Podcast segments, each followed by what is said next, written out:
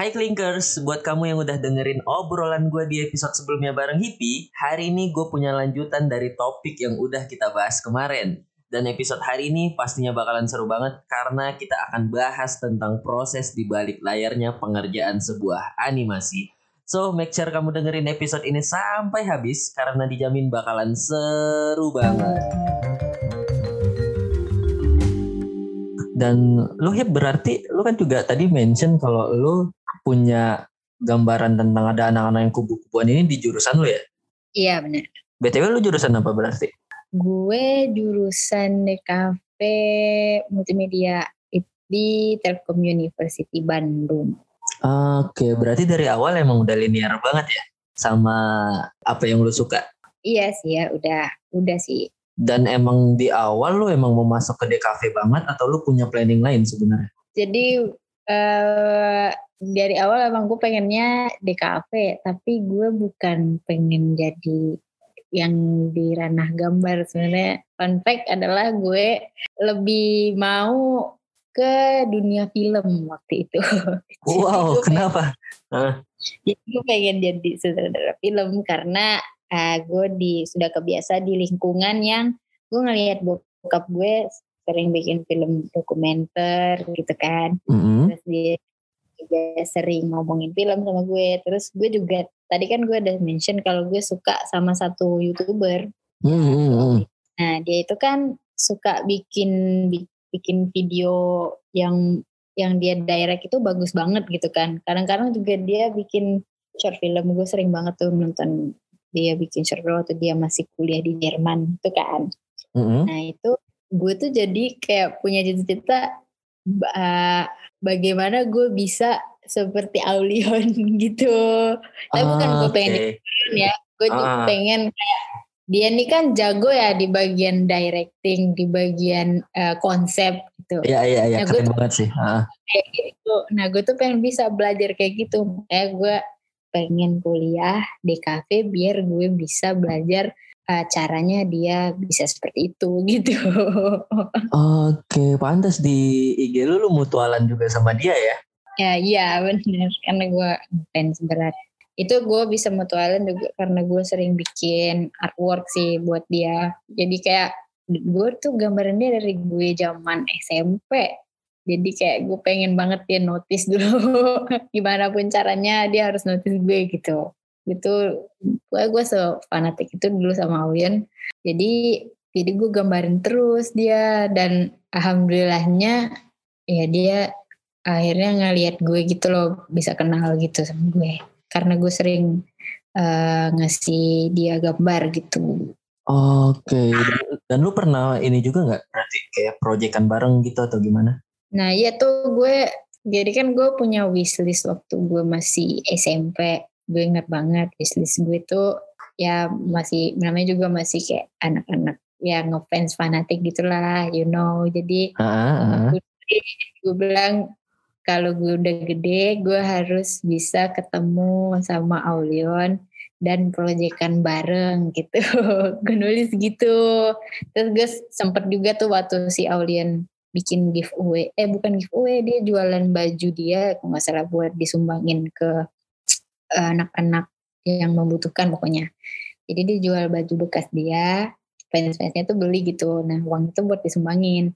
Nah gue tuh beli kan. Nah dia tuh nyuruh uh, kita tuh kayak nulis alasan kenapa apa sih kayak suka Aulion gitu biar dapetin si Aulion tuh mau bikinin surat buat si fansnya. Nah gue tuh cerita kalau gue tuh pengen kerja bareng sama dia. Terus dia kayak nulis surat gitu semoga kita bisa kerja bareng ya kata dia gitu. Ada surat nih gue masih simpen surat sampai sekarang. Wow ngefans itu sih kan dan itu tuh kejadian pas di tahun 2017 dari itu tuh gue langsung kayak wow gitu.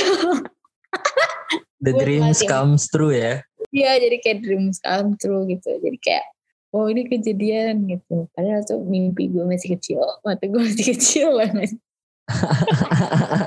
dan itu di project apa? Di project apa Pi? jadi waktu pas dia ulang tahun waktu itu kan dia ngundang fans-fansnya buat dateng kan. Mm-hmm. di itu ada uh, nge-DM gue. Gue tuh awalnya ngiranya nih nge-DM uh, mungkin yang nge-DM semua orang kali ya gitu. Gue mikirnya gitu. Uh. awalnya uh, dia bilang kalau selesai acara nanti gabung sama panitia-panitia uh, nginep di suatu tempat gitu. Kayak diajak main bareng lah gitu sama dia gitu kan.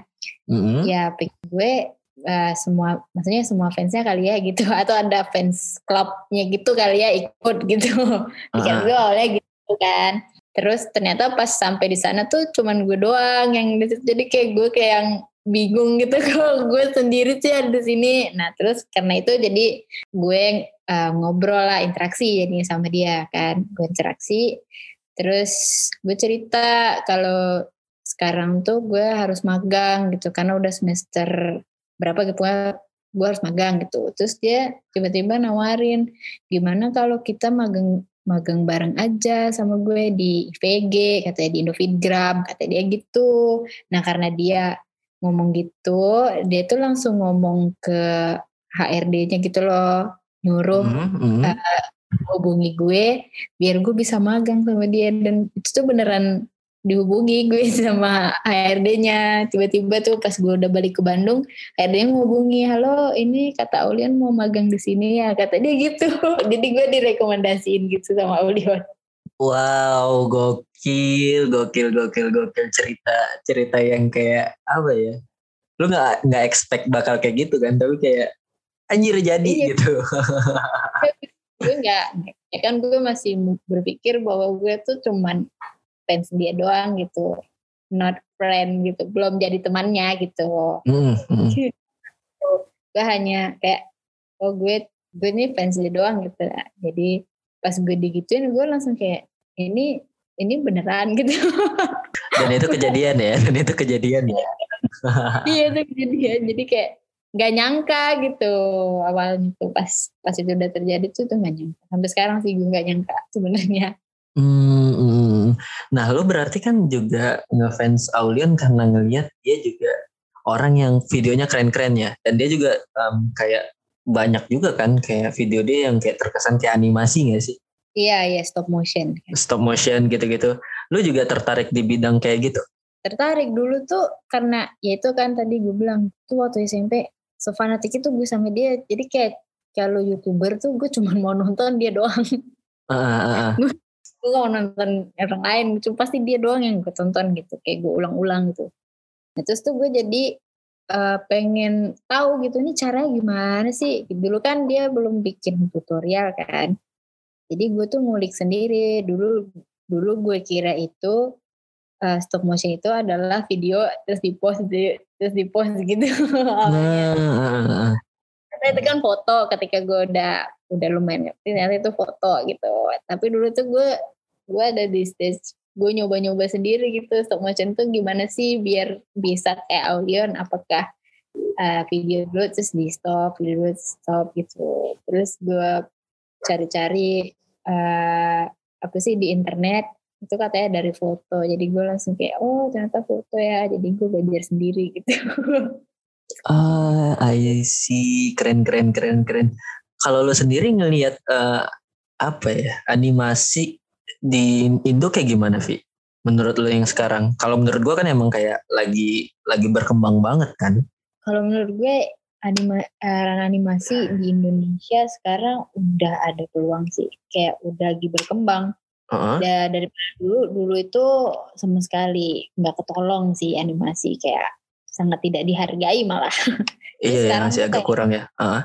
Itu sekarang tuh uh, iklan aja udah rata-rata udah pada pakai animasi, terus uh, udah pada pakai cinema 4D gitu-gitulah yang ada unsur animasi animasinya. Terus film-film juga animasi Indonesia udah mulai uh, dinaikin ke bioskop. Dulu kan nggak ada kayak gitu tapi sekarang udah mulai dinaikin karena ternyata kreator-kreator animasi di Indonesia tuh kan banyak ya dan karena dulu nggak pernah dilihat mereka pada diambilin sama luar negeri kan mm-hmm. kayak kayak yang bikin Tintin sama Upin Ipin gitu gitu gitu deh banyak kan artis-artis ya maksudnya seniman-seniman animasi yang diambil sama orang luar negeri karena dulu mereka nggak punya tempat gitu di negaranya sendiri gitu loh. Tapi sekarang udah mulai ada peluang banyak sih dan lagi maju sih sekarang kalau menurut gue. Mm -hmm. Lo sendiri punya satu ini nggak um, orang animator Indo yang kayak selain tadi Aulion ya, uh, yang lu ngerasa kayak anjir keren banget nih karyanya dia gitu. Lu ada nggak satu satu orang yang lu jadiin kayak idola lu gitu untuk animasi? Ada sih. Siapa? Jadi ini si Haika, Wastana Haika. Siapa tuh kalau boleh tahu? Uh, dia itu dia ilustrator, tapi dia suka bikin animasi gitu kadang-kadang. Bukan kadang-kadang sih, sekarang lebih sering bikin animasi dia. Jadi dia suka bikin animasi uh, di Instagram gitu. Dan ternyata gue tuh pernah ketemu sama dia di exhibition apa gitu di Bandung. gue lupa. Pokoknya gue terus gue suka sama art stylenya kan karena keren dia misalnya. Terus terus dia bikin cerita tuh bermakna banget. Jadi kayak menurut gue keren gitu. Susah tau bikin yang kayak gitu tuh susah. Jadi gue kayak mengidolakan dia. Dan gue pengen suatu hari gue tuh bisa kayak dia gitu. Walaupun kayaknya ya prosesnya nggak cepet gitu. Iya sih itu pasti penuh perjalanan sih. Uh, uh, kayak yang kayak dia. Tapi gue ngefans banget sama dia. Itu keren. Dia karyanya keren dan dia tuh sering bikin music video juga kadang-kadang hmm. dianimasiin sama dia music video. Pernah dia bikin music video uh, Blackpink sama Selena Gomez apa ya itu dia pernah bikin kayak gitu itu keren keren banget Hip, berarti kalau lu mau jadi animator, lu harus juga belajar bikin storyline atau kayak sekedar ngekreasiin um, karya visualnya aja? Atau itu sepaket yang harus lu tahu banget ketika lu mau jadi animator? Nah, kalau di dunia ya apa sih kayak di studio animasi gitu ya, hmm? kerjaan dibagi-bagi. Jadi ada yang ada yang bikin eh ada yang jadi animatornya ada yang bikin story lainnya ada yang bikin storyboardnya gitu. Ada yang bikin karakternya ada yang bikin backgroundnya gitu. Jadi mereka tuh kayak nggak bisa dikerjain sama satu orang sebenarnya gitu. Jadi mereka tuh rame. Bahkan yang ngerjain background aja bisa sampai puluhan orang gitu. Gitu loh. Jadi nggak cuman uh, satu studio yang bikin background nih cuman satu orang ini. Enggak bisa bisa puluhan orang yang ngerjain background itu gitu loh sebenarnya. Bahkan Berarti, yang bikin mm-hmm. uh, yang yang bikin karakter yang biasanya cuma satu orang gitu. Tapi development karakternya bisa rame-rame. Misalkan kayak yang referensinya ditolongin sama siapa gitu asisten dia. Tapi yang eksekusi untuk bikin satu karakter. Karena kan namanya juga art style kan. Art style ah, siapa ah. nih yang dipakai gitu itu pasti dikerjain satu orang. Nah gitu. Oh berarti emang dibagi-bagi ya? Misal kayak gue nonton film A misal gue nonton film El, uh, Elsa nih yang jadi karakter Elsa-nya. Berarti itu memang ada tim yang akan jadi pengembang dari si karakter si Elsa-nya ini secara cerita nanti kayak gimana secara nanti um, progres dia kayak gimana. Itu ada timnya sendiri dong berarti? Iya ada ada timnya sendiri. Tim karakter nih tim karakter dibagi lagi. Ada karakter uh, shape apa sih shape desainnya ada 3D artisnya gitu kan. Karena kan dia 3D kan 3D artisnya. Ada yang bikin apa uh, apa sih?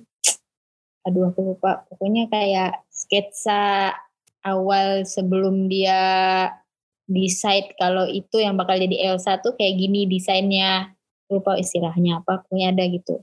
Nggak bisa dikerjain satu orang makanya dibilang. Kecuali yang eksekusi satu orang yang bikin karakter itu adalah kita mau pakai art style-nya siapa gitu. Misalkan art style-nya uh, aku gitu kan asal hmm. si hippie nih yang dipakai. Oke okay, hippie coba desain karakternya uh, bikin nih beberapa alternatif. Nanti dipilih yang bagus gitu kan. Nah dipilih yang bagus nih satu. Nah, jadi yang yang ngikut buat bantuin aku tuh yang ngikutin asal itu gitu tapi mereka yang nyari tahu bikinin kostumnya gitu misalkan.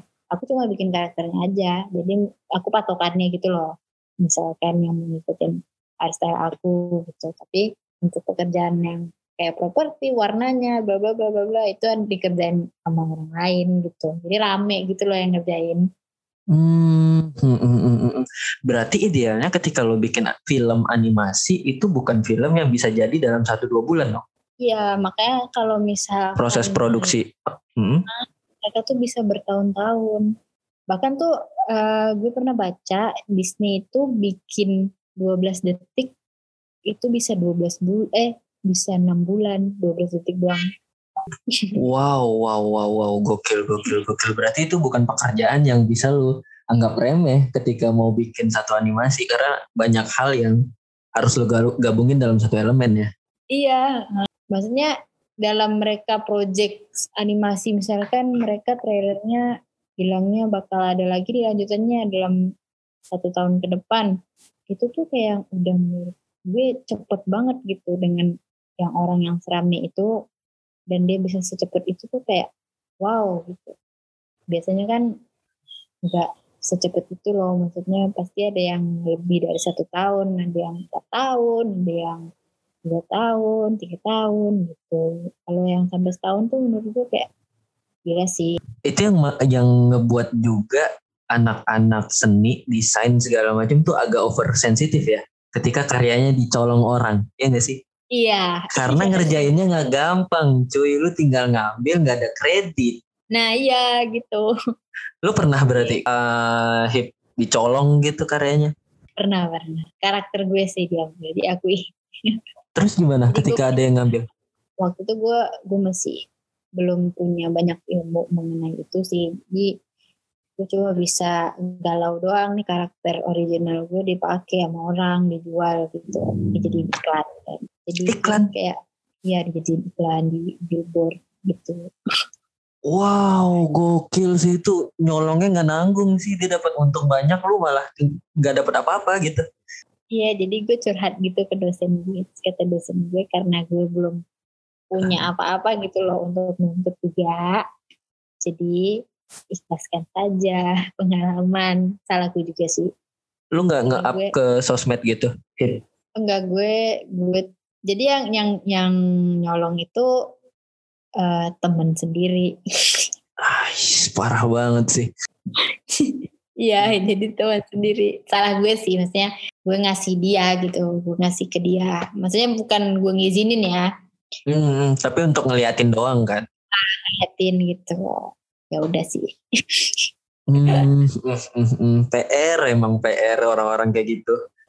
ya itu temen-temen sendiri jadi kayak gue ngerasa kayak jahat banget temen gue tapi udah gue maafin sih ya udahlah situ kayak udah kejadian masa lalu Jadi pembelajaran aja sih. Benar dan terlalu percaya teman iya makanya lu nggak bisa juga sih kayak gue gua agak agak sensitif juga soalnya orangnya ketika ini urusannya sama hasil kerjaan orang lain. Gue sebisa mungkin kalau bisa naruh kredit untuk orangnya gue bakal naruh. Better kayak gitu kan karena itu Iya. bukan sesu- sesuatu hal yang gampang untuk dikerjain lah. Dan lingkungan yang sportif menurut gue ya kalau ada yang pinter, better kita up gitu biar dia kelihatan sama orang lain. Ya kalau ada rezeki dari situ ya udah. Ya emang dia layak dapat itu menurut gue hasil karyanya dia. Kalau lu sendiri nih Hip gimana? eh, lu pernah nggak sih ngukur atau punya indikator sendiri ah, karya gue bakal bagus kalau gue udah memenuhi hal-hal ini gitu misal? Atau karya gue bakal masih jelek kalau gue belum memenuhi A B C D gitu. Lu punya indikator sendiri nggak sih untuk ngukur apakah gambar lu itu bagus atau kurang gitu menurut lu? Ada dong ada banget. Biasanya dalam hal apa? Dalam hal eh, dulu gue tuh kan makanya ada yang namanya kalau di dunia seni misalnya di ilustrator itu gambar mereka dulu kayak gini yang sekarang improve-nya apa gitu lebih baik yang lebih baik lagi dari yang sebelumnya itu apa gitu yang mereka pelajari. Nah dan improvement gue tuh kelihatan banget kalau misalkan eh, lo lihat di Instagram gue gue nggak pernah nge-take down loh gambar gue yang zaman dulu tuh. Gue, gue sengaja nggak gue take down. Jadi biar orang tuh tahu gue tuh progresnya dari dulu gimana gitu sampai sekarang gitu. Jadi nggak sengaja itu nggak gue take down. Biar aja mereka lihat gitu dulu gambar gue jelek. Biarpun dulu gambar gue sejelek itu juga gue bodo amat. Tapi kan gambar gue sekarang udah kayak begini gitu loh nah itu tuh gue kayak ngeliat uh, gambar gue yang dulu nih kurangnya gimana ya gitu. Kayak proses introspeksi diri juga sih. Jadi kayak nggak terus-terusan berada di zona nyaman gue. Misalkan kayak gue nyaman nih gambarnya kayak gini kayak ginian doang gitu. Tapi kan belum tentu kalau misalkan gue gambar gitu terus bakal jadi lebih baik gitu loh. Jadi gue lihat nih tapi kalau misalkan uh, coloringnya diganti dengan coloring lain lucu juga kali ya gitu. Jadi dari situ gue penasaran gue coba tuh coloring lain gitu. Ternyata wah oke okay juga nih ya udah jadi pakai coloring ini aja deh sekarang gitu. Terus ganti misalkan kayak kayaknya matanya lebih bagus kayak begini deh daripada uh, mata yang biasanya gitu. Gue ganti matanya gitu biar lebih masuk akal gambar gue juga dilihat sama orang-orang. Itu sih hmm, gue keren, dilihat keren, keren. gambar awal gitu. Kalau gambar awal gue uh, bisa dibagusin lagi kenapa enggak gitu? Kenapa harus stay di situ terus gitu? Begitu. Hmm keren keren keren keren keren. Itu kan kalau dari sisi lu ya lu menilai karya lu sendiri. Kalau misal untuk uh, seniman kan kadang juga dia suka ngelihat karya orang lain kan kalau lu sendiri ngelihat yeah. karya orang lain apa yang uh, ngebuat lu ngerasa kayak ini orang karyanya keren banget gitu karyanya bagus banget nih momen apa yang bikin lo ngerasa itu bagus untuk karya orang lain? Untuk karya orang lain, gue ngeliatnya gini sih. Hmm. Kalau gue nggak bisa niruin atau gue nggak bisa bikinnya, menurut gue bagus. itu keren. iya sih, otentik ya.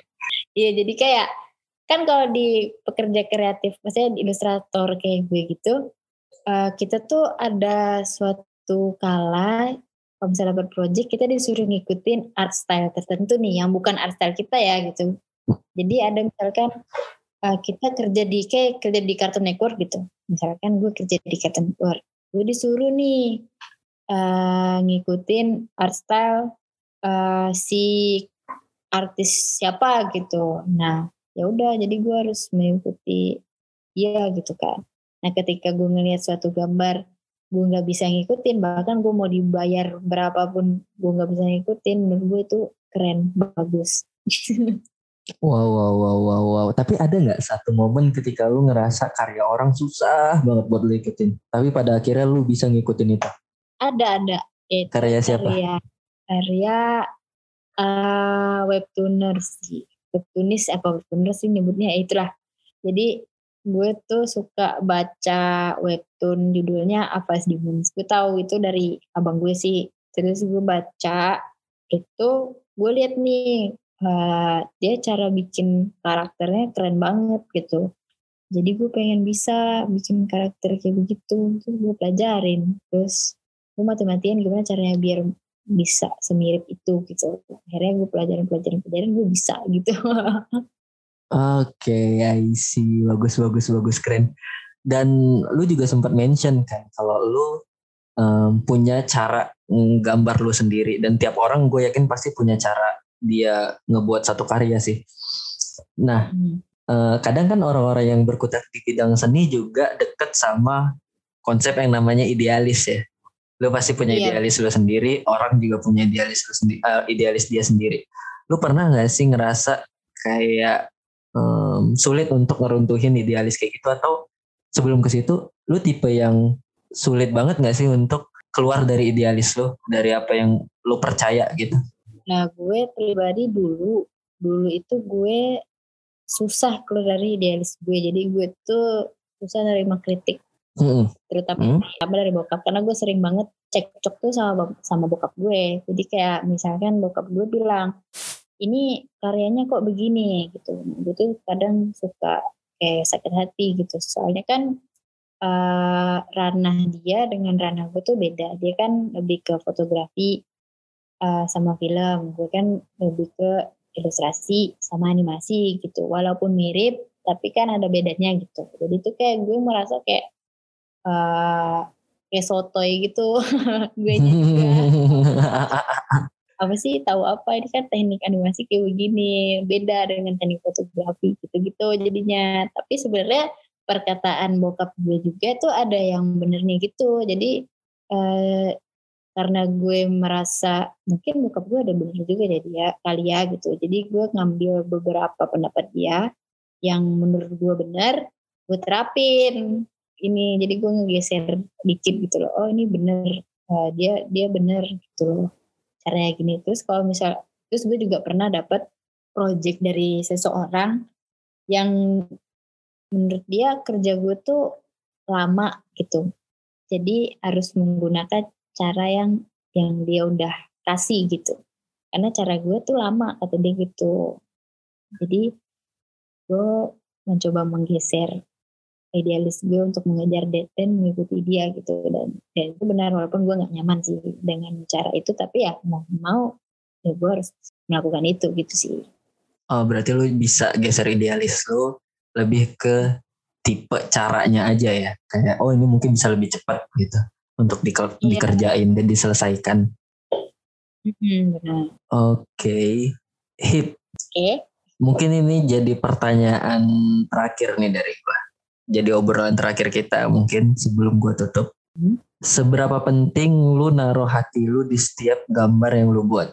Menurut lu untuk tiap orang yang ngebuat sebuah karya seni apa pun, entah itu gambar, patung atau apa pun gitu. Seberapa penting lu naruh hati buat si objek yang lagi lu kerjain? Uh, menurut gue sangat penting banget karena ketika lo nyurahin semua uh, isi perasaan dan pikiran lo di dalam suatu karya, ketika orang lain melihat karya tersebut tuh orang lain bisa ngerasain itu. Gitu. Jadi kayak misalkan kita, uh, gue lagi sedih gitu, terus gue tuangkan ke dalam suatu karya dan orang lain bisa ngerasain kesedihan lo gitu. Jadi kalau lo lu berasa berhasil gitu loh karya lo tuh di ngertiin sama orang lain karena kan ada ya suatu karya yang ya artisnya kayak iseng aja gitu gambar. Tapi ketika udah dia pajang orang nggak ngerti itu gambar apa. Oh gambar doang ya. Gue gitu kan. Jadinya kayak hmm, hmm, hmm. tapi ketika lu nuangkan semua emosi lo ke dalam suatu karya terus ketika orang lihat dan orang akan ngerasain itu sih. Jadi kayak wah ini gambar sedih banget gitu. Atau kayak wah ini gambar uh, nyeritain ini ya. Wah ini gambar jadi kayak lebih bermakna dan orang tahu maksud lo gambar itu apa bukan hanya sekedar lo bisa gambar gitu karena kalau misalkan kebanyakan ilustrator cuma gambar doang gitu terus dipajang ya orang-orang sekitar kita nggak bakal bisa yang namanya menghargai yang namanya itu karya gambar karena kebanyakan orang mikir ya orang gambar gitu doang anak SD juga bisa. Nah, bedanya anak SD sama kita, anak SD belum tentu kan bisa nyurahin apa pun emosi. Karena mereka kan belum punya emosi seemosional kita gitu. Iya, Jadi, iya, iya, iya. Itu perbedaannya. Jadi jangan mau disamain sama anak SD. Tapi kalau pengen kita dihargai di dunia seni, ya coba cintailah ini karya lo sendiri gitu loh. Jadi kayak lo tuangkan semua uh, curahan hati dan pikiran lo ke dalam karya lo biar bisa orang lain nikmati karya lo dan lebih menghargai apa yang lo bikin gitu. Oke, gokil, gokil, gokil. Nah, satu lagi satu aja um, ringkas. Sebutin satu karya yang pernah lo buat dan lo suka banget. Terus kenapa lo suka banget sama karya yang lo buat itu? Gue pernah bikin karya uh, yang gue suka banget tuh apa ya di TikTok sih karya gue di TikTok gue bikin Ghost Rider itu sih karena gue merasa gue nggak bisa gambar sedetail itu sebenarnya tapi gue kayak mencoba untuk bisa menggambar sedetail itu dan seribet itu. Dan gue selesaiin itu dalam waktu yang singkat cuman sehari. Wow wow wow gokil gokil gokil. Oke okay. Hippie Thank you banget udah ngobrol di podcast gue dan udah sharing banyak hal yang menurut gue obrolan ini adalah obrolan yang sangat menarik karena hmm. ini hal baru buat gue dan gue baru tahu kalau banyak hal yang di dunia ngegambar atau di dunia animasi itu gue masih cetek banget nih pengetahuan gue bahkan dari teori-teori dan tekniknya sendiri gue nggak ngerti kalau oh ini caranya kayak gini ya. Oh ini ternyata kayak gitu. Dan Hippie thank you banget udah mau main ke sini uh, udah ngeluangin yeah. waktu lo dan Dan untuk linkers, uh, makasih udah dengerin podcast gue. Sampai ketemu di episode-episode selanjutnya dan semoga lu tetap dengerin podcast gue. Thank you. Thank you Linkers for listening to our podcast. We upload every Wednesday and Saturday at 7 p.m. Stream us on Spotify, Anchor, or Apple Podcast. See you on the next episode.